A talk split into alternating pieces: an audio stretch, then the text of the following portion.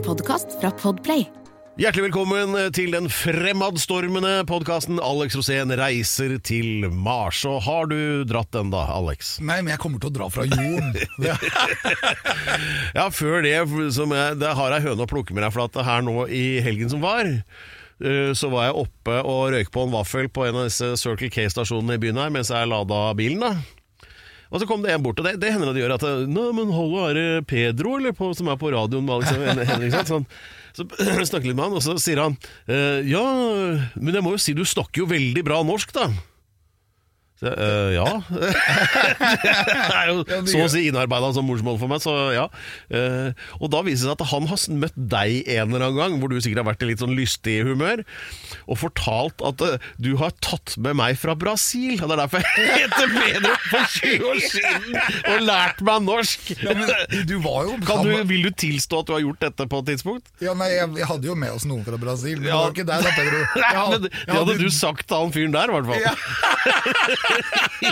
Ja, men du er jo, du jo, du er jo lystig, Ja. og så har du et åpent hjerte, og kommer det en fest, så sier du jo ikke nei. Nei, gjør jo ikke det. Altså, du har jo, du har jo sånn brasiliansk blod. Ja, ja, nei, jeg kan jo ikke, kan jo ikke si det. Altså, ellers, så, ellers så har jeg jo en tendens til å gi meg ut for å være russer når jeg er i utlandet. For at alle hører jo sant, at du har en aksent, ikke sant? og så lurer de på om du man, De pleier å spørre er du tysk, eller ikke sant? Sånn, for, som en engelskmann eller amerikaner vil spørre om. Da Da pleier jeg å si det at eh, I am from Russia, but I operate in Europe. Og da er det ingen som spør om det! Og I hvert fall ikke nå. Fantastisk. Ja, men du har litt sånn russisk stil. Ja, men den barten, vet du. Ja. Alle skjønner at du kødder ikke med en sånn bart. Det kan få katastrofale følger for sluttpoeng. Alex Rosén reiser til Mars.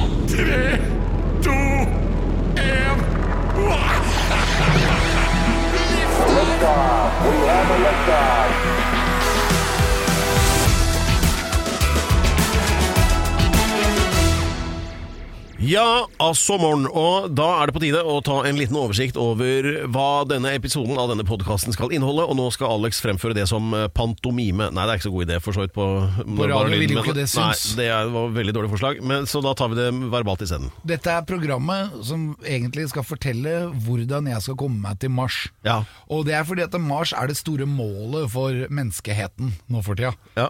Det var litt sånn som Amerika var for Columbus for 500 år siden. ja, Rapport fra at han trodde at det var India han kom til, da. Ja, men det, det, var, ikke sant? det var det nye landet, da. Han følte Ja. at dette her er jo ikke oppdaget. Nei, altså Det at det var noe på andre sida av det svære havet, for de trodde jo at det der var det bare en sånn kant du kunne tippe utfor, eller noe sånt. Ja, og litt sånn, men sånn er Mars for oss nå, for vi har klart oss å sende droner dit. Vi har klart oss å sende sånne biler som går rundt og borer litt i jorda. Det er det ikke en som ratter rotter rundt der oppe på egen hånd nå? Jo, det er det. Ja. det er, jeg lurer på om det ikke er flere eller at den ene har velta og mista kontakt med sola, eller at det er storm der konstant hele tida, så den ikke får inn eh, sol på sola. så skal få inn bilder fra den, så er det sånn der, Vi har mistet kontakt med mobilabonnenten. Ja, jeg tror det er en noen velta Kjører bil der. på baksida av Mars.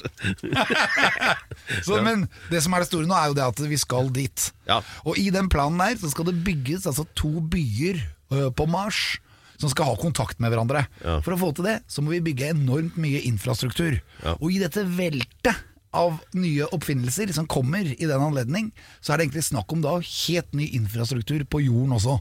Og det er det som er så spennende. Det er så mye å følge med. Ja. Så målet med at vi reiser til Mars, er egentlig for å redde jorda fra global overoppheting Ja, og det- enorm bruk av fossilt brennstoff. Ja, det er helt topp. Ja, ålreit, så det, er- det, det er måten det er derfor det er en redning for jorda. At forbruket blir lavere her når flere reiser dit. Nei, det er det at man må finne opp så mye infrastruktur. Og den infrastrukturen vil jorda nyte godt av. Ja. F.eks. solcellepaneler, eh, batterier, eh, kraft. Dette er ting vi har fra før. Ja, men ikke mye. Altfor lite. Vi, okay. Fortsatt bruker vi vannkraft. Fortsatt bruker vi eh, gasskraft. Vi, altså, vi, Ja, ja. I, I. Russland i dag så sier, er man redde for at gassledningen fra Russland skal gå i stykker. Så er det egentlig noe vi skal legge bak oss. Så Alt dette her nye energigreiene er det vi, vi da kan dra nytte av. Ja, det, så dette Det- det- her er et bærekraftig program, Pedro. Carry power. Og på den måten så blir vi kvitt, hva sa du, global Overoppheting. Ja, du, global overoppheting. Du legger til en sånn over deg, Akkurat som, akkurat som barn som sier at det er ikke oversvømmelse, det er overforsvømmelse. Sier du det òg? Ja, det er overforsvømmelse. Da er det heftig. Global over... En liten forsvømmelse, det er jo ingenting. Nei, er, det er Så det er, hvis du blir tatt i fartskontroll, så er det forenkla overforelegg også? ja, over the top. Ja, nettopp. Jeg skjønner. Eh, aldri under, alltid over. Eh, det er Alex Rosén i et valnøttskall. Men de andre tingene som skal hvis, dette er, Nå skal vi bare gå gjennom hva som skal skje utover i sendingen. Ja, nå, men også, jeg vil jo først forklare hva dette programmet handler om. Ja, men Det gjorde du jo nettopp. Ja. Har du blitt dement nå? Men det er jo mye mye mer å legge inn Ja, men du kan ikke forklare alt, for da trenger du ikke å lage program hvis du Ja, skal forklare alt nå. Ja, ja, jeg Skjønner bare brenner inne med veldig mye informasjon. Nei, du brenner ikke inne med en dritt. Så er det da dette med han eh, Elon, da, din store helt. Eh, andre har jo sånne plakater av eh, popstjerner og fine damer og sånn. Du har av Elon Musk på ditt eh, gutterom. Og der eh, er det sånn at han har kjøpt Twitter, da, for sikkerhets skyld. Ja, og så driver han og mobber eh, Bill Gates. Det skal vi komme tilbake til. Skal trenger ikke å fortelle alt om det nå. Og så blir det litt om nye og gamle raketter. Han driver og sender opp de. Eh, og så skal vi kåre ukas tettsted, eh, fordi at det vil da være et sted som Alex mener kan bygges opp Veldig nytt i- spennende Ja. Veldig spennende denne uken, for det tettstedet det står og gløder. Ja. Og så er det et par tettsteder i Russland også som vi skal snakke om. Ja, nettopp. Vi skal egentlig, ja, jeg foreslår at vi bare gjør Russland til et eget punkt, for nå må vi snakke litt om Russland. Ja. Fordi nå ligger de tynt an. Og så blir det siste om Hubble-teleskopet, da. eh, Fra vår, eh, en av våre Space Explorers, Pål Brekke. Eh, Det skal vi komme tilbake til det òg. Og eh, det siste jeg klarer ikke å lese hva jeg skrev. Har du noe mer? Nei. Nei. Greit. Helmaks Elon. Og da er det på tide med det store spørsmålet Hva holder du på med nå? Nå er jeg på å få den her i- Du har en penn som virker, eller? Så jeg Nei, nå virker den. Ja, Han virker innimellom. Og det gjør den fordi at jeg ser jo på den pennen. Ser du hva det står der, Pedro? Der står det Alex Rosén. Jeg jeg har en som står Finn Bjelkes popquiz på. Ja, men det skal ikke jeg. Jeg skal ha den som Alex Ja, det- Rosén på. Ja. Og så Eh, ser du hvilken farge det er. det er eh, maroon, heter det der. Det er burgunder. burgunder. Jeg, jeg vil kalle det rød. Og det er pga. Mars, for det er fargen til Mars også. Er det en burgunder? Nei, den er rød. Eh. Burgunder, det er jo en vin. Du, altså Det er, er altså sånn, uh, sånn der kinesisk mur av digresjoner her, før jeg kommer til poenget. Men uh, det er vel det vi skal avgjøre nå. Har Elon Musk driti seg ut? Ja eller nei? Nei, han har kjøpt Twitter. Ja, det har han. Han har gjort det, og det gjorde han i starten av uken. Det er morsomt sånn hvis noen spør Du, har du Twitter, eller? Eh, ja, jeg har kjøpt det. Men eh, Og han kjøpte 400 milliarder 400 milliarder, Det er en tredjedel av det norske statsbudsjettet. Å, og det var ikke Tesla som kjøpte det, det var ikke SpaceX heller, det var Elon privat. Men altså eh, hva, hva skal han med det, da? Det han skal med det, er nok at han er jo veldig imponert over Twitter. Han har jobbet veldig lenge i, med Twitter, og det er den måten jeg egentlig kommuniserer med han på. Det er via Twitter. Og han kommer ut med Jeg tror han må ha noen som jobber med det, for han jobber jo veldig mye. Og han har ikke tid til å sende ut alle disse Twitter-meldingene, men han kommer med mellom 10 og 20 Twitter-meldinger hver dag. Ja. Og, og det kan være oppdateringer av eh, en motor på en rakett, eller det kan være Han er veldig opptatt av litt sånn funny ting, så han kan finne et bilde eksempel, som han legger ut. Eh, Han liker også mattestykker, så plutselig kommer han ut med et heftig mattestykke. Eh, Så Det høres ut som noe av det aller aller kjedeligste noen noensinne har fortalt meg. ja, det kan du godt si, men Twitter er jo et lite bloggeunivers. Ja. Og der er det små meldinger som kommer ut. Ja. Og så har han kjøpt det. Og det som er litt sånn fortvilende for meg, da Det er at det er jo ingen som klarer å svare på hvorfor han har kjøpt det. Nei. Men jeg fulgte med på Dagsrevyen nå, når de skulle liksom oppdatere om det, og så, så har de en fyr borte i USA som skal forklare det, og så er det bare svada. Det er bare Bjørn. Bjørn Hansen, Washington. Grunnen til at han har kjøpt Twitter, er at det er antageligvis det mest ærlige sosiale medium. Ja, for der er det noe sånn datagreier og Ja, det er noe- noen algoritmer. Ja. For eksempel, han, var, han snuste lenge på TikTok. Nå vet jeg ikke om det hadde vært mulig å kjøpe det, men TikTok er jo sånn at det, det, det legger opp til et al algoritme. At når du f.eks. søker Ja, men Han dreit seg ut, han skulle kjøpe ti- Han er ordblind, vet du, så han la inn alle penga på Big Book. Så det var det han endte med. ja, Ja. som har vært nedlagt i 20 år. Fikk henne som Maurits isteden. Nei, nei, men det som var greia, er, er at eh, hvis du f.eks. på TikTok da, henger deg opp i hunder som angriper eh, gamle damer, så får du det om og om igjen. Så blir Ja. du aldri ferdig, og så er det bare det du har. ja, du blir enspora. Ja. De algoritmene gjør deg dum. Ja, faktisk. Ja, ja. Og eh, samtidig så ser man på TikTok at eh, hvis man f.eks. er en 19 år gammel ungdom fra Russland som følger med på krigen i Ukraina Ja, så da får du ikke vite noen ting. Nei, da får du, får du bilder av hunder. Og så får du bilder kanskje av fugler. Jo, men Russland Også, er ikke det beste eksempelet. Men, Nei, vent nå. Ja. Eh, Men hvis du da er en 19-åring fra Ukraina, Ja. så får du bare bilder av tankser som skyter andre tankser, og eksplosjoner og krig. Ja. Så hvorfor er det så forskjellig? Det er pga. algoritmene og at det sitter folk i Kina som eier dette, Ja. og som bestemmer hva du skal få. Ja. Det fins ikke på Twitter. Nei. På Twitter så bestemmer du selv hvem du skal følge. Ja, ja. Og så oppdager du da hva de sier, og så kommer de. Og Så han mener altså at det, det er mer demokratisk og åpent på Twitter enn de andre plattformene? Det er det? Ja. Men altså sånne algoritmer, det er jo ikke noe nytt. Det hadde vi jo altså, i nyhetsformidlingen her på 70-tallet, på Dagsrevyen også. Fordi algoritmen da, det var jo litt annerledes. Det, var jo mer, det gikk på dagsformen til Hans-Wilhelm Steinfeld. Ja, Og Jan Otto Johansen. Det var generelt dårlig hver dag. Og han Olav Gran Olsson. Deutsche Bank har omsatt 700 Deutsche I Alle sovna. Men ja, ålreit. Men uh, greit, tjent altså 400 milliarder eh, Altså, hallo? Det er veldig mye penger. Vet du, eh, Skal jeg forklare deg forskjellen på en milliard og en million? Nei, jeg vet at én million er omtrent så mye penger. Dette er fordi deg feil. Nei, det er 12, det, nei, 12, Jo, 12 centimeter. det er 12 centimeter. Rett fra Norges Bank. Det er en fortauskant. Ja, vi gjorde det når vi jobbet for Norges Bank. Ja. Og så plutselig så var det en milliard kroner, og det var hele bygningen var dekket bak meg. Ja, da kan du, ja nettopp. Og det, ikke sant, da kan du gange det med 1000, vet du, for det er forskjellen. Ikke sant? 1000 Ja. millioner er en milliard. Og så Hvis du har fortauskanten utafor Oslo Plaza, da, som er det høyeste bygget i nærheten her, uh, så er det da to plazaer oppå hverandre i forhold til for, fortauskanten. Det er forskjellen på million og milliard. Ja. Så 400 sånne milliarder, da. Da trenger du noen plazaer. Da må du ned til Shanghai for å finne et høyt nok Ja, eller egentlig så må du til Dubai. Ja. Nei, så han, eh, han har til salt i såret, han. eh, Men det han driver med, han Elon Musk, det er han mobber Bill Gates på Twitter, for Bill Gates har fått mage. Ja, men Det må jo være lov. Nei, det er ikke til det. Det var ikke grunnen til at han mobber Jo. Bill Gates. Nei. Hvis du, hvis du har lyst til å miste ereksjonen litt fort, så, så la han ut bilde av eh, Bill. Det er jo mobbing. Ja, men det var ikke derfor han gjorde det. Grunnen til at han gjorde det, var at Bill Gates hadde shortet Tesla.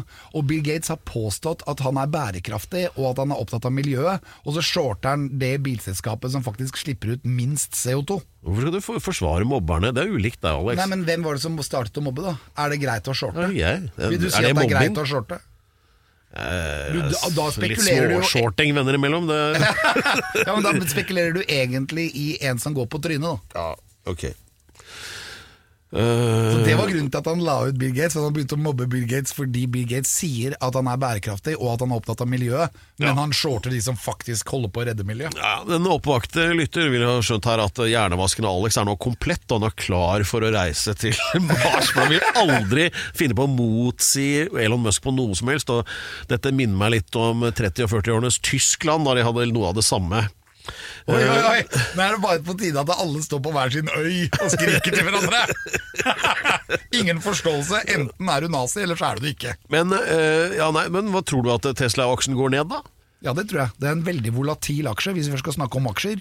Den går både Den opp og ned. Men jeg vil si at eh, verdien antageligvis Jeg sier at verdien er rundt 700 dollar eller under, og det er veldig sjelden den er så lav, men det er da det er smart å kjøpe den. Ja. Er den over 1050, så kan du selge den. Ja. Men nå var det en dame som uh, ga et råd om å kjøpe Tesla, for den skulle opp i 3500 dollar. Og det er jo veldig mye, da. Da kanskje sissene får rett. Ja, Men uh, altså det, det som gjør at eh, Tesla kommer til å gå aldeles på dunken, det er altså de norske Tesla-sjåførene. La meg si litt om det. Tidligere, det, altså som motorsyklist, da, så må du følge med litt fordi at eh, du er utsatt for du har bare to hjul, og hvis det smeller, så er det deg det går utover uansett når du krasjer med en bil. ikke sant? Uh, så, du må, så du må tenke at alle er idioter. For å være på den sikre siden. Du må regne med at eh, alle andre bilister kan finne på hva som helst. Tidligere så var det Først så var det sant om BMW-kjørere. Fordi altså sånn, Det er sånn 80-90-tallet. For at de som Ser du en BMW, så holder du deg unna, for at de er uh, uberegnelige. Eh, og så ble rasshøla De flytta over til Audi så på rundt 2000. Ja, de er vel der ennå. Men nå kjører de Tesla. Fordi eh, en Tesla-eier tror, av en eller annen grunn, fordi den er, det er det mest subsidierte kjøretøyet som fins i dette landet, eh, at de eier også veien og kan foreta hvilke som helst manøvre, og andre må bare rette seg etter dem. Og det er måten de kjører dette fartøyet sitt på, da, ikke sant. Jeg hater dem intenst, og de er rasshøl nesten alle sammen. Nei, jeg sier alle, jeg er uten unntak, og er en fare for altså motorsyklistene. Sånn at eh, når jeg kjører motorsykkel, så holder jeg holder jeg meg unna. Og Hvis jeg er så heldig at jeg har en litt sånn større og robust bil, gjerne med kufanger, så dunker jeg litt borti. Og jeg er helt annerledes, for jeg vil aldri generalisere noen. Ja, eh, Alex, min gode globetrottervenn, nå må vi snakke litt om Russland, altså. Fordi eh, Eh, nå I dag så øh, gikk jeg jo da ned til det studioet her som vi er nå, som er midt i Oslo sentrum. Sånn øh, 15-20 minutter sånn spasertur gjennom diverse gater. Eh, og underveis så så jeg eh, Jeg gikk og begynte å telle, så jeg tror det kanskje var sånn fem-seks ulike sånne plakater. Du vet sånne eh, samling eller fest mot Russland, markering mot ditt? Sånn fuck Putin. Og så var sånn veldig sånn anti-Russland altså, Det er mye av det, og er det litt sånn det er jo noen gærninger på toppen? Altså Putin og hans oligarker og hvem det nå er, og han Lavrov og alle disse her, som er krigshisserne, som eh, det er grunn til å protestere mot. Men det er jo ganske mange andre i det landet òg som nå kanskje ender med å Ja, de er ute i kulda, alle russere, liksom nå. Det, og det er jo litt kjipt, syns du ikke det? Jo, jeg synes det er veldig, veldig trist, fordi Russland er helt fantastisk. Jeg har jo reist på veldig mange steder, f.eks. oppe i nord, uh, i Sibir, og komme til steder som hadde vi kåret tettsteder fra Russland, det programmet her, så hadde jeg hatt så mange morsomme tettsteder. Er, Ja. og, og det, det, er jo, det er så enormt det landet, og det er så lite utbygd utenom i byene. Ja. At du, når du kommer inn til sånne små tettsteder som f.eks. Letnaja og Soltitsa, som er altså et tettsted med kanskje 3000 innbyggere, 2000 innbyggere Hvor- hvor det er det? Ingen, det, det er oppe i Kvitsjøen. Oh, ja. Uh, helt nord i Kvitsjøen, mot Myskaninos, over Er det sånn Sibir-aktig, dette? Ja, på, dette er gateway to Sibir, vil jeg si. Det er ved Ja. inngangen før du kommer innover der. Eh, Men hvor du altså kommer til en by hvor det ikke er noen vei inn i byen. Det er, altså, de, de er uten kontakt med omverdenen. Og der bor jo masse fiskere og sånn som ikke har fått lov å fiske på 50 år, for det er ulovlig! Så de sitter der inne. Og jeg, jeg kom inn der og da ble helt sånn overraska, for det var ikke noen asfalterte veier. Alt var bare sånne grusveier. Og så var det ikke noen vei ut fra byen. Men de hadde en bitte liten flyplass. Så når de skulle reise ut inn av den byen, så landa de på den flyplassen. Og den var jo ikke asfaltert, den heller. Den var jo bare på et jorde. Og der kom det inn et fly, for jeg tenkte bare hvor er det folk der? Så plutselig kom det et svært fly over huet på meg. Der landa det, liksom. Så da fant jeg ut ok, det er sånn de reiser ut av den byen her. Ja, men du, du har jo også fortalt noen sånne stories om sånn innenriksfly på bygda i Russland. Ja, jeg hadde det er ikke så mye HMS ut og går der. Nei, det er helt insane, altså. Det var, det var jo et fly Jeg skulle fly fra uh, St. Petersburg til Rostov. Rostov er jo en by helt sør i Russland. Ja, Det er jo en stor by. Ja, og den ligger langt sør. Ja. Den ligger ved, ved grensen til Ukraina, faktisk. Det er helt sikkert et av disse hovedkvarterene nå, for den ligger bak det Donetsk og Luhansk, så ligger liksom Rostov borti der. Altså, imot Svarta- Innerst i nei, Azovsjøen. Innerst Ja, i ja. Azovsjøen, okay. mot også Azov. Skjønner, ja. Og enda lenger oppe her så har du Stalingrad, som eh, som nå heter Volgograd. Ja. Men i hvert fall, vi skulle lande i Azov, og så sier hun dama Oi, det vi skal ta av, da. Så alle, alle setene var jo litt sånn Ingen av de var jo egentlig skrudd skikkelig Alt fast. skrangler litt sånn som du gjør på Ja. alle russiske ting. Ja, og så var det sånn der, Idet vi skulle ta av, så sto folk og røyka inni, inni fly. Og, var på? Og, og var på mobiltelefon, og det var ståplasser i midtgangen. Så når Under det begynte å dra, takeoff. Så så jeg alle de der folka som, ja, som sto De holdt jo på å dette bakover i flyet. Men de hadde sånn greie å holde seg fast i, da. Så de klarte å holde seg fast. Nei, nei, nei! Mens de røyka og var på mobiltelefon, så tok det flyet av. Og det hadde så svære vinduer, så jeg var jo redd for at de vinduene skulle sprette ut. Og så sier hun dama at ja, vi lander om fem timer. Og så kommer da dette flyet opp i, opp i lufta, og så lander det etter to og en halv time. Ikke sant? Og da tenkte jeg at det var Halve tida. ja, da tenkte jeg at det var nødlanding. Men så var det jo ikke det. Vi landa jo i Rostov. Men det var bare hun dama hadde bare bomma litt på og de der sånn Og gjetta litt, ja. Ja. Hvor lang tid tar det? Nei, fire-fem timer, Ja, og, og så lander flyet, da. Da lander det. Og så de som står i midtgangen, de henger jo i den stroppen. Men det, hun, hun som satt ved siden av meg, det var en gammel dame. Hun klarte jo ikke å stå imot bremsinga til flyet. Nei, så da nei, nei. kom jo ryggen på stolen da, og dro seg over huet på henne. Klappa Og sammen klappa sammen, ja. Så hun landa jo under den der Du vet der hvor du legger avisen der? Så huet hennes lå under. Og så prøvde hun å reise seg opp igjen, og det klarte hun jo ikke. at Hun blei ble en del av den taxfree-katalogen. ja. Og baksida av den stolen var jo under setet til han foran. Nei, nei, nei, nei. Så jeg trodde jo at hun var holdt på å daue. Så jeg bereiste meg opp, da, så fikk jeg kjeft for at jeg reiste meg. Og jeg skulle bare redde egentlig henne, som holdt på å gå ned. Men det var bare den mest utrolige flyturen jeg har vært. Altså, Altså, hadde de sånn safety on board og sånn der? Sånn der eh, at flyvertinnene står og viser Nei, nei, nei, det var ikke tid til det. De hadde dårlig tid. Ja. Men når vi, når vi kom fram, så er, har de jo ikke noe sted å parkere disse flya. At det står jo fly overalt, og så har de ikke noe orden på det. Så flya står jo i veggimellom. Og vi, vi, vi ble parkert mellom to fly, og vingen slo borti det ene flyet. Det var helt sånn derre oh, så det, er litt, det er litt herlig òg, men det, altså, det kan jo ikke gå bra. Nei. Det er i hvert fall mye av den HMS-en og den derre helse, miljø og sikkerhet, altså. Den avdelingen vi har i Norge, hvor alle prøver liksom å være trygge og sånn. Den eksisterer ikke i Russland. Og så er det fri røyking overalt. Så det, de har ikke utviklet seg så mye der. Men jeg må si det, at eh, når jeg møtte russere rundt omkring overalt inne i Russland, fantastisk hvor glad de er i det. Fordi at de er jo ikke vant til å få turister. Nei. Så de, de, siden vi har norsk flagg i båten, og sånn, så regner de med at vi er turister. Og da kom de ned, og de hadde ikke nåla i veggen, ikke sant? men allikevel hadde de med mat til oss. Og, husker jeg fikk oh. saft med sand i. Jeg satt og tygde sånn Hva er det i den saften, liksom? men det var rett og slett sand i ferskvannsreservoaret Ja. som lå og fløyt litt. Altså, det Men de var, var vel ikke så storvant, da. Men det er vel altså det med det flyet som gikk på halve tida, da hadde vi vel kanskje vært i utlandet og fått tak i noe ordentlig bensin, og ikke den russiske som det er kvister i. ja, ja. Så det virka med alle motorene, liksom. Men den kjærligheten som kom fra vanlige folk, som jeg møtte rundt omkring, og som jeg prata med, den var helt utrolig. Ja, så russere er jo helt suverene. Altså, når det gjelder det å ha liksom et rikt sjeleliv, altså bare se på de russiske forfatterne og musikken som har kommet derfra. Og, Balletter, Ja. musikk Så, så det er ikke, det, det er jo ikke De mangler jo ingenting. Ikke De sant? mangler ikke noe en, på annet enn en brukbar ledelse. Ikke sant? Det er jo bare det. De mangler ikke noe på kultur. Nei, så, uh, så, nei, så jeg tenker liksom at det, istedenfor liksom å ha alle disse her oppropene mot Russland altså Ja, det er greit mot Putin, det kan jeg være med på, men mot Russland er jeg ikke egentlig med på. For at jeg, jeg tror ikke liksom stort sett det landet er med på alt det tullet de driver med i Ukraina. Liksom. Det er, Det er, det er veldig, altså Russland er veldig spennende. Og jeg vil råde egentlig alle til å reise til St. Petersburg og bare oppleve kanskje en av Europas aller vakreste byer. ja, hadde ikke det vært liksom bedre? Så liksom tenker jeg at det, Nei, vet dere hva, nå, nå burde vi egentlig være litt solidariske med Russland i betydningen vanlige folk i Russland. Ja, det tror jeg. Ja, ikke sant? Altså, at det stø heller støtte de som vil kvitte seg med det der skakkjørte styret med disse her øh, kriminelle oligarkene, liksom. Som bare er ute etter cash.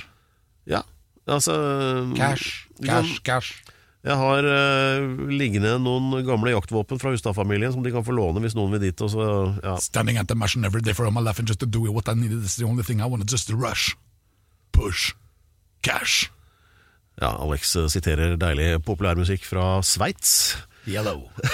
Var det ikke det? Jo. Uh, åh, nå fikk jeg nesten gåsehud. Nå var du flink. Ja ja, snart videre. Ukens tettsted. Tett, tett, tett, tett, tett, tett. Tettsted, ja. Og eh, vel, vi skal snart i gang med å kåre ukas uh, tettsted, men vi, vi var liksom ikke helt ferdig med Russland. Uh, hva er tettsted på russisk? Uh, densi, den, densitov, densitov grad. Blir det det? Eh, Tetst. Tetov- Harasho. Harasho. Vet du hva det betyr? Eh, takk. Veldig bra. Ja, å ja. Veldig bra. Ja, nok, nok om det. Eh, nei, fordi at eh, du eh, skal jo da snart kåre et eh, tettsted her i Norge som kan egne seg for gjenoppbygging på Mars, og det blir jo mest sannsynlig Konnerud. Men eh, før det så vil du også slå et slag for de russiske tettstedene. Ja, for jeg er veldig opptatt av russiske tettsteder. Ja. Det var jo et tettsted som het Letnaja Soltetsa, som er på innersida av Solovetskijøyene i Kvitsjøen. Det er jo ikke alle som har et navn engang, av de tettstedene. Nei, de heter noe, men det er veldig vanskelig å finne ut, for det står ikke i kartet, så du må egentlig ha en russisk tolk for at man kan gå inn i det tettstedet. Translatorium. Men eh, Presedis. Så man hører hva heter dette tettstedet. Og uh, Letnaja Soltitsa var veldig morsomt, fordi det var bare kvinner der. Uh, det var, eller babusjkaer. Det var litt hår under arma, og tenna sto ut her og der. Ja. Uansett hvor mye vodka jeg, pass, på- pass på nå. uansett hvor mye vodka jeg drakk, så ble En gang vi var på hotell nede ved, ved, ved Dødehavet i Israel, så var det sånn eh, Det så litt sånn russisk ut. Ganske omfangsrik kvinne som drev og så knadde på noen popstjerner og sånt. Og der var det masse og så sier uh, Yes, hello, do you throw discos for Ukraina-team? Husker jeg du spurte henne om. Skjønte ingenting. Nok om det. Ja, Ja, det du snakket om eh, store kvinner med mye hår under armene. Ja, det var det det var. Og Ja. det, eh, det var ikke noen menn der. Nei.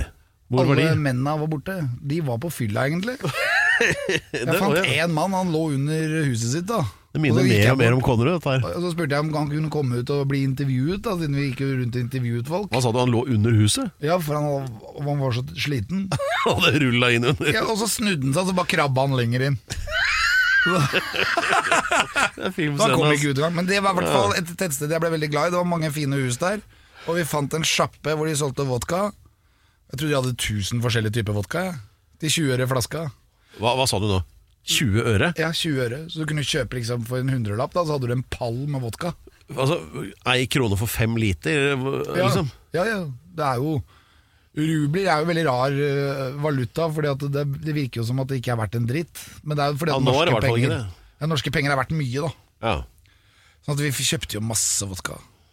Vi hadde jo med vodka overalt. Vi brukte det som sånn bestikkelse for å komme oss videre. Oh, ja, det blir valuta, ja. Ja, det blir valuta. Vet. du. Alle er inne på vodka. Ja. Men det var et veldig bra tettsted. Ja. Men jeg ville flytte det over til, til, til Norge, da. ja. Og da er det ett tettsted som jeg har vært veldig fascinert av. Ja, for Konnerud har jo vært veldig flott nå lenge. Ja, Connerud er helt utrolig. Og Ja, Man får en mistanke om at det ikke er Konnerud denne gangen heller. ja, eh, det er jo ikke det. For at nå har vi flyttet oss Vi må jo prøve oss å flytte disse tettstedene litt rundt. Og vi har jo vært veldig opptatt av Vikersund og Hokksund og Solbergelva og, Konnerud, da. Ja, som er disse tettstedene du som nevner ligger det altså bare helt feil, og du skulle liksom glede meg med å nevne de stedene som er på helt feil side. Ja, for jeg tenkte at Eidsfoss burde blitt årets tettsted. Eller ukens tettsted. Ja, det har jo en sånn rustikk sjarm, da. Ja, det har det. Ja. Men det er ikke der vi skal. Vi skal faktisk helt opp til Finnmark. Igjen, ja. Ja, Vi skal eh, opp eh, til elva. Og tettstedet, ukens tettsted, Pasvik? er et fantastisk Hvilken tettsted. elv? Pasvik er jo en nydelig elv. Det er jo grensen til Russland. ja. Masse bjørn og masse soldater. Mest og, mygg, egentlig. Ja, og så er det et sånt politikontor som ligger oppi elva. Nei, vi skal helt tilbake til Alta. Og så skal vi kjøre ut fra Alta og i retning Kautokeino. Fantastisk elv med litt fossefall og et nydelig tettsted som ligger langs elva der. Ukens tettsted er Masi! Å, Masi! Å, den derre den derre vinen Det er ikke der, det er Italia, kanskje. det. Nei, men Masi, ja, ok, greit. Masi i Finnmark er ukens tettsted! Ja, Hipp hurra. Jeg vet ingenting om Masi. Nei, Vi er nødt til å ta en tur dit. Altså, Ja, men Du må jo begrunne hvorfor eh, Du har bare sagt at det er flott. Det var litt uh, kort begrunnelse, kanskje det? Ja, nei, det er, De har jo denne elva, da. Som Ja. renner forbi. Og så er det jo midt på vidda. Ja. Og I den ene retningen så ligger Kautokeino, i den andre retningen ligger Alta. Ja, men Hva er det som ligger i Masi som gjør det til et sted du vil bygge opp igjen på Mars? Det er elva. Jeg vil ha den elva. Det er elva du vil ha? Ja. Altså, du trenger egentlig ikke Masi i det Jo, hele tatt? tettstedet er helt nydelig. Det er, det er veldig lite tett. Men allikevel så er det litt tett pga. varmen fra de folka som bor der. Ja, Nå begynner jeg å skjønne hva som har skjedd der. Men øh, har jeg rett? Nei. Nei. Nei, du, nå ble du litt urolig, men eh, Ok, vi sender Masi til uh, Mars, rett og slett. Rett og slett. Starter med de to riktige bokstavene, i hvert fall. I Kampens hete så kan det hende i en sånn podkast at uh, samtalen kan gå litt uh, fort frem, og nå klagde Alex på at uh, den vitsen han hadde tenkt å fortelle, den kom aldri gjennom fordi han glemte den. Og da skal vi prøve og Nå skal vi prøve å, på å Hvor ble det av vitsen? Er det Skal vi rekonstruere? Fordi du hadde noe gøyalt. Og jeg er veldig spent på hva det er, for at du var i ferd med å rote deg borti sånn metoo-situasjon med å snakke om russiske kvinner som noe i overkant omfangsrike og behåret under armene og sånt nå, da du var i hvor det nå var. Eh, og så kan du fortsette derfra. Ja, nei, det var jo veldig og Uansett hvor mye vodka jeg drakk, så ble det ikke noe særlig penere. Og det var vitsen. Det, det var vitsen. Jeg prøvde liksom å løfte det opp litt, da. ja, sånne russervitser. Det blir litt som de der finnevitsene. Ja. Det er sånn, eh, der husker jeg også bare sluttpoenget på én, som handler om en eller annen som har vært ute på skogsarbeid i flere måneder og kommer hjem til kona, og hun våkner av at det banker på døra. Eh, og jeg husker bare sluttpoenget, og det er replikken altså. Og gissa hva jeg knakker med. Bortsett fra at du husker ingenting.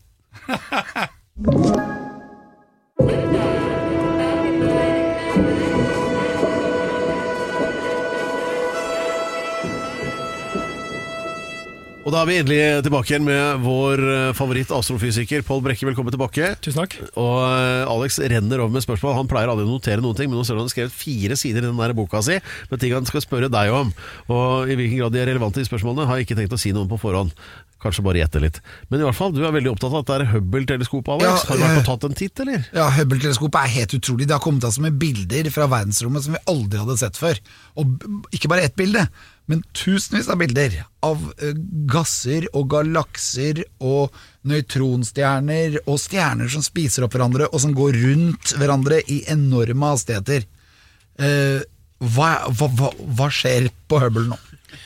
Ja, Hubble ble skutt opp i 1990, så har jeg vært oppe veldig lenge. Og, og sliter jo litt med alderen, kan du si. Eh, Det største problemet med Hubble nå er at man kan ikke reparere lenger. Man brukte romferja, som også ble skutt opp med romferja, til å gå opp og hente det inn, reparere, bytte ut kameraene, sette inn et nytt kamera, akkurat som vi kjøper et nytt mobilkamera, eller mobil da, med dobbelt så stort uh, oppløsning på kamera. Uh, Så, så Hubble er i prinsippet mye bedre enn det var da den ble skutt opp. Men nå har man ikke muligheten til å reparere lenger, så nå på en måte seiler det sin egen sjø, som de sier. Men de har fortsatt uh, styringen på det? Ja, de har styring på den, men kanskje om fem år så er det ikke mulig å styre lenger. Og da vil de kontrollert eh, sende opp en liten eh, robotsatellitt og koble seg på, og bremse den opp riktig slik at den detter i havet og ikke noe får det speilet i huet, for det er 2,5 meter stort glasspeil. Det brenner ikke opp. Da, det, det har du ikke lyst til å få i huet da. Så, så, så det er på en måte dødsdømt, dette teleskopet, men det vil allikevel fungere nå eh, kanskje fem-seks år til.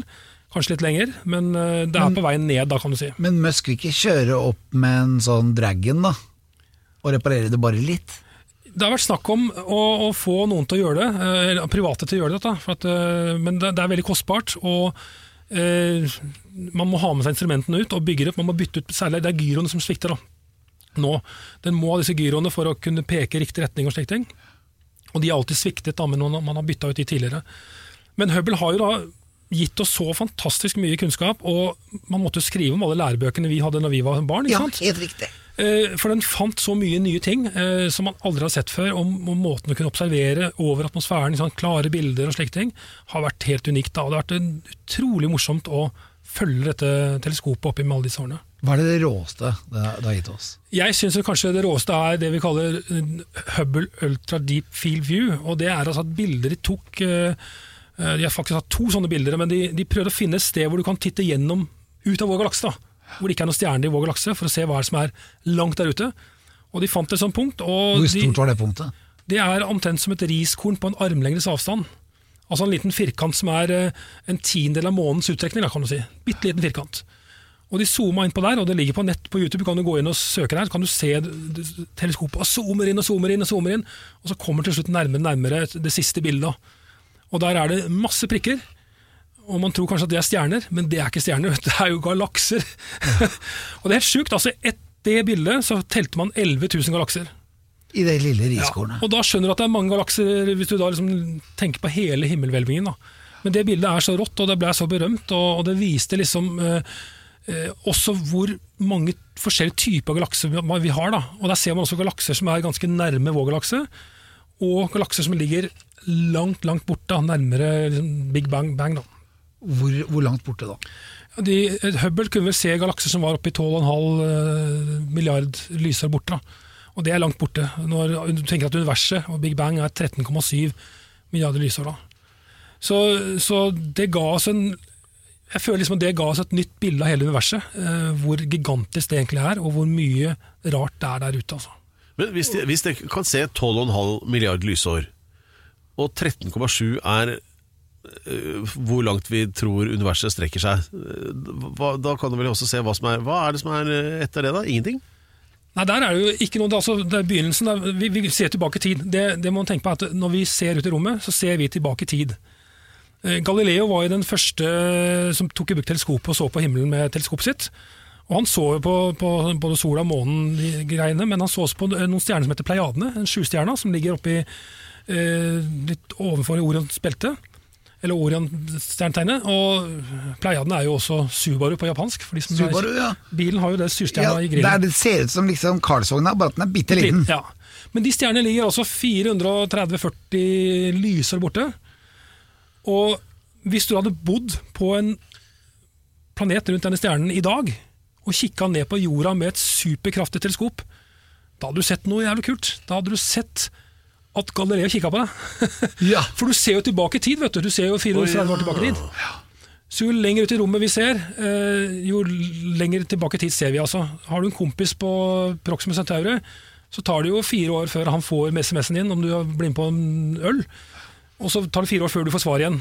Og da har du sikkert drukket øl med noen andre i mellomtiden. Ja. Så Jeg måtte bare ta en øl. ja, ikke sant? Men også, eh, så da, de galaksene som er så langt borte, da ser vi tilbake i tid. Hvor langt tilbake så vi han Nei, på det Hubble- Hubble-bildet? På Hubble-bildet så man jo over 12 milliarder lysår tilbake i tid. Altså disse, dette, disse galaksene ble dannet på den tiden. Og nå har vi fått skutt opp et nytt teleskop, Ja, som heter James, Webb-teleskop. Og det er jo enda større enn Hubble, for dette speilet er seks meter istedenfor 2,5 meter. Eh, Men kanskje det viktigste tingen her, at den skal observere i det vi kaller infrarødt lys. Eh, Og det er jo det vi opplever her på jorda som varmestråling. Alle har sett sånn varmekamera sant, som brannfolk bruker og sånt nå. Eh, Og vi sitter på bar med disse varmelampene, det er infrarød stråling. Da, så den fordelen da med infrarød stråling er at eh, for det første så kan den strålingen gå gjennom støv.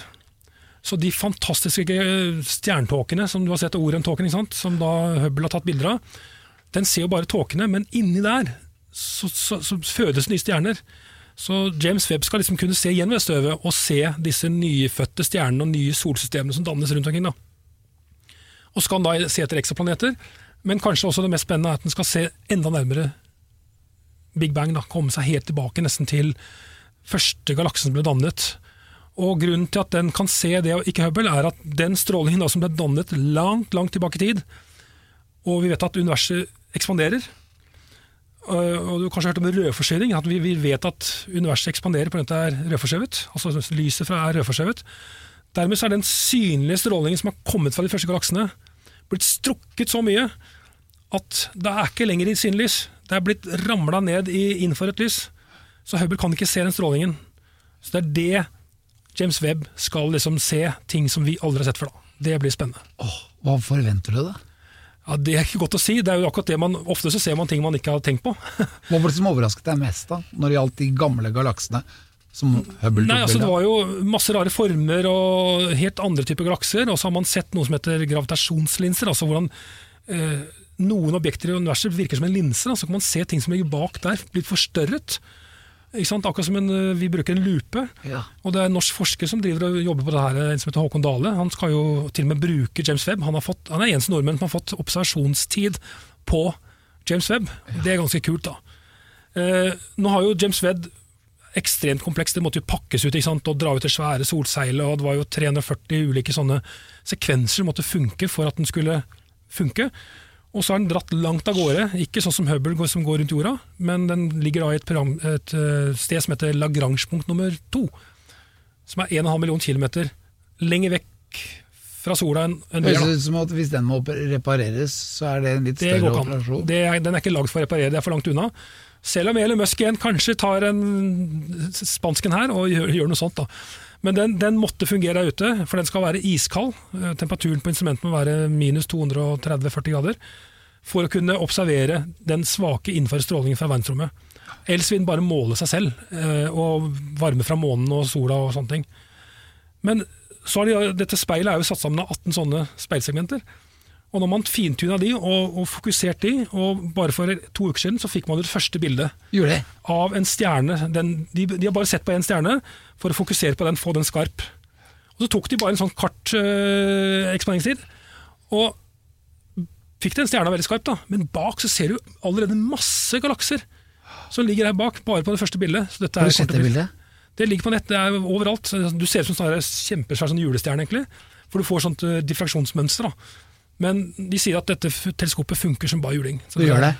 Så nå kommer det masse bilder? Nå. Ja, det kommer til masse bilder. De skal ikke begynne å observere ordentlig før nærme sommeren. For de skal ennå kjøle instrumentene enda mer enn det det er i dag. Men da kommer det til å komme masse fine bilder. altså. Hvor lang tid tar det å kjøle instrumentene? De venter at det skal være ferdig i juni, tenker jeg. Da kommer de første bildene. Og de første ordentlige observasjonene kommer kanskje etter sommeren. da. De skal jo sikkert teste litt og leke seg litt med teleskopet. Men da kommer det sikkert noen dødsfete bilder altså fra dette teleskopet. Og alt virker? Alt virker, det har gått over all forventning, og kanskje aller viktigste var at oppskytingen var så utrolig perfekt. For det var jo, de hadde tenkt at eh, minimum fem års levetid var det som var kravet. Eh, Men så brukte de så lite drivstoff på vei til dette punktet at de nå har drivstoff for 20 år. da. Og det er jo lovende. Det blir spennende. Ja, det er mange som sitter og tvinner tommeltotter nå og venter på disse dataene. Ja. Det er nesten synd at vi ikke lever i 200 år. Ja, jeg kan si ja.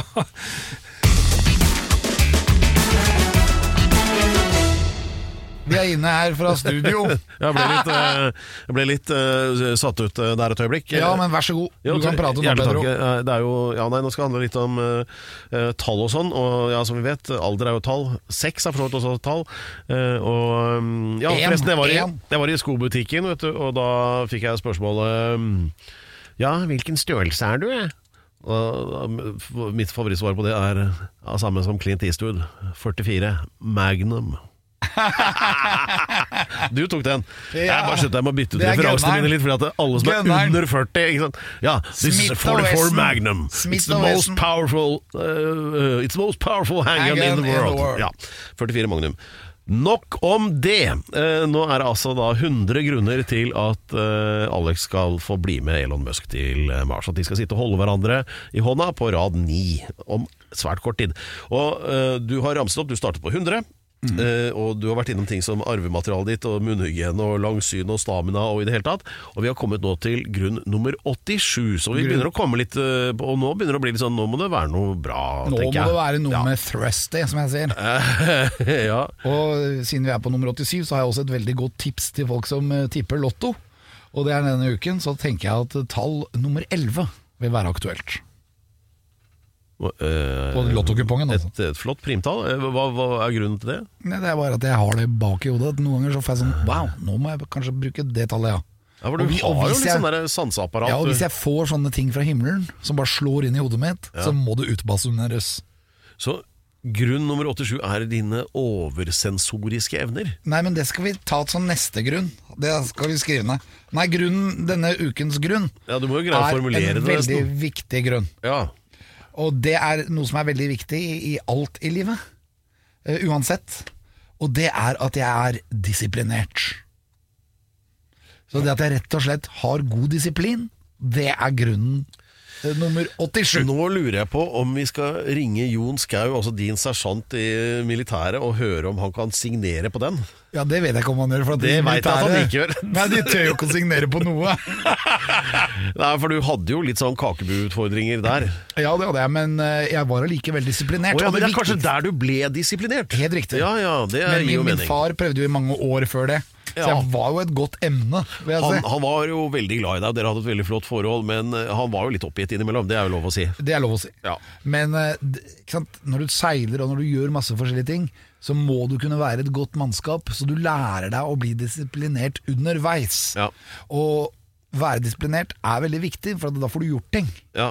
Og det er sånn derre det, det gjelder egentlig alle i hele verden. Men Ja. det er i hvert fall en veldig viktig grunn når du skal til Mars. Ja. Så må du liksom, selv om du har lyst til å spise den sandwichen, Ja. og så vet du at den bør du ha til etter å ha landa, ok, da gjør du ikke det, da. Ja, men vet du hva, jeg kan, jeg kan faktisk signere under på den, fordi ja, det er mulig at jeg tar fra deg en mulig grunn til seinere, men eh, Og det er jo akkurat det jeg tenker på når du sier det der, du blir jo en annen person da når du blir kaptein eh, James Onidin på båten din. Og, da blir du ikke Tulle-Alex lenger. Da er det sånn det slavedriver liksom, som er veldig opptatt av f.eks. stuing. Og det er at det ikke noe skal ligge løst i båten og skrangle rundt, da blir du gal. Ikke sant? Så Ja, det, det, det, det kaller vi skipslasting. ja, stuing er det, du, det ordet du brukte meg. Har du stua tinga dine nå, ikke sant? Det er sånn som Ja. du sier. Eh, Og, ja, men jeg skjønner jo poenget. Det er akkurat som om i flyet at du ikke har det inni de der eh, overhead compartments. Det blir løse fragmenter. Nettopp. Så det blir sånne prosjektiler. Og det vil man jo ikke ha i båten. Kanskje du skal bruke det som en annen grunn at du er god til stuing, for det trengs jo raketter å gå ut fra. Ja, så tar kan ta det senere. Men senere. så nå var det altså disiplinert. God disiplin. Ja, jeg syns det er eh, viktig og Både viktig og flott, faktisk. Ja, god disiplin, hilsen Alex Rosén. Ja, og som vi vet, selvskryt det skal man lytte til, fordi det kommer fra hjertet.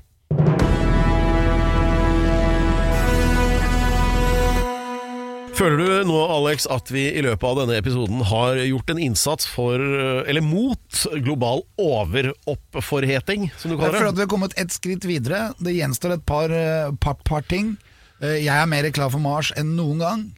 Og Vi får se hva som skjer nå. Nå skal det jo skje veldig mye fremover mot sommeren. Vi skal jo ha noen utskytninger. Nå skal jo f.eks. Spaceship rundt en gang rundt jorda for første gang. Åh, De har skal du montert begynne å noen ramse nye- opp alle de der rakettene igjen nå? Ja, men, eh, det er, Hvordan tror du jeg skal komme meg til Mars? Jeg tror jeg skal seile til Jo, men Mars. Kan ikke vente med det til den faktisk skal gå? Nei, det er men, liksom sånn, nei, nei, nei. Det, vi kommer til å lage program hver eneste uke. Du er like og da må- ivrig hver gang han har tent på ei lunte og et eller annet har gått i været. Så... Ja, men det er viktig for meg, for at jeg må lære åssen jeg skal oppføre meg i verdensrommet. Jo, men du kan, det må du jo opp i verdensrommet for å lære det, da må du ikke det? Eller? Nei, nei, du trener i et basseng. Jeg har basseng hjemme jeg, som jeg sitter og trener i og tar salto. Jeg veit hva du trener på oppi der, for å si det sånn. Men eh, la oss holde oss denne globale overopphetingen. Vet du hvem eller hvilken enkeltstående person som har ødelagt eh, mest eh, for miljøet, altså i form av global overoppheting? Jeg vil tro at det, akkurat nå for tida så er det Nei, Putin. du må tenke litt mer historisk, altså sånn i løpet av de siste Eller siden den industrielle revolusjonen, egentlig. Det er én person uh, via sine oppfinnelser som uh, regnes som den som har ødelagt mest. Henry Ford. Ja, Det er et godt forslag, men uh, fornavnet er det samme som din eldste sønn. Thomas Edison. Ja, nei, ja, Han heter jo ikke Edison, sønnen din, eller gjør han det kanskje? Som mellomnavn? Men, nei, det er en som heter Thomas Midgley. Oh, ja. Han fant opp blybensin Oi, til ja, motorer. Eh, og det var jo De tenkte ikke så mye på miljøet på den tida. Dette er jo sånn 1910-1920, da det ble liksom eh, Ja, kan du si raffinert, det produktet, da. Bokstavelig talt, ikke sant. Så eh, var jo han oppfinneren av det. Og bly ble jo tilsatt for å på en måte smøre motoren så ikke ventilene skulle kile seg fast, ikke sant. Og, og sånn. Jeg husker blybensin ble ulovlig. Ja, det blei det jo. ikke sant? Og For så vidt så har jo bensin i seg selv også bidratt mer enn gjennomsnittlig til altså at vi har miljøutfordringer. Så går det da noen år, dette var jo en flink oppfinner. eh, Så går det noen år, så finner han opp et stoff som er veldig bra til å isolere kjøleskap og fryser og sånn. Og det er altså da sånn KFK-greier, vet du, sånn freon, vet, sånn eh, kjemisk jævelskap som egentlig mer eller mindre egenhendig har tatt rotta på ozonlaget. da. Det klarte han også å legge på. Så de to tingene står samme mann bak Thomas Midgley, som bare var en flink oppfinner. Eller så flink var han egentlig ikke, fordi at han fikk polio på 50-tallet. Og da fant han opp en sånn contraption, altså et sånt system, for han hadde problemer med å komme seg ut av senga sjøl. Det var noen sånn taljer og trinser og tau og arm, hevearmer og sånn, så han skulle klare seg selv og komme ut av senga. Men så blei det floke, nesten som båndsalaten i den gamle kassettspilleren. Så da surra han seg inn i det der, der og blei kvært av sin egen oppfinnelse. Oi. Karma is a bitch. Men det var Thomas Midgley, da. Eh, Så det å være oppfinner kan være farlig. Ja. Det var en lang digresjon. Men eh, nei, jeg syns at du har vært veldig flink, og jeg syns at du fortjener eh, eh, lunsj. ja, det gjør vi. Ja. Eh, hvis dere har hypp på å nå oss på, på internett, så kan dere gå inn og titte på Instagram. Du Der er bruker det nå selv om Elon Musk har kjøpt Twitter. Du flytter ikke alt over dit. Jeg er på Twitter òg, Ja. så det går an å finne meg på Twitter. Jeg hører, hører hva du sier. Ja, hva, hva, hva har du, var det siste du la ut på Twitter? Det husker jeg ikke, men det er helt sikkert en video av en rakett. Det var ikke sånne mobbebilder av magen til Bill Gates? Nei, den gadd jeg ikke å retwitte. Nei, hvis du legger ut noe om meg der, så smeller det, men det veit du jo. Ja, jeg har lagt ut noe av Ja, fy faen. Nå Er det skal noen nakenbilder? Ja, oh. ja, det er de jeg har godkjent, ikke sant? Ja, ja. Og signert. Ja. Pedro the Body. Nei, nå må vi gi oss, hvis leken er god. Nei, nå drar vi og eter.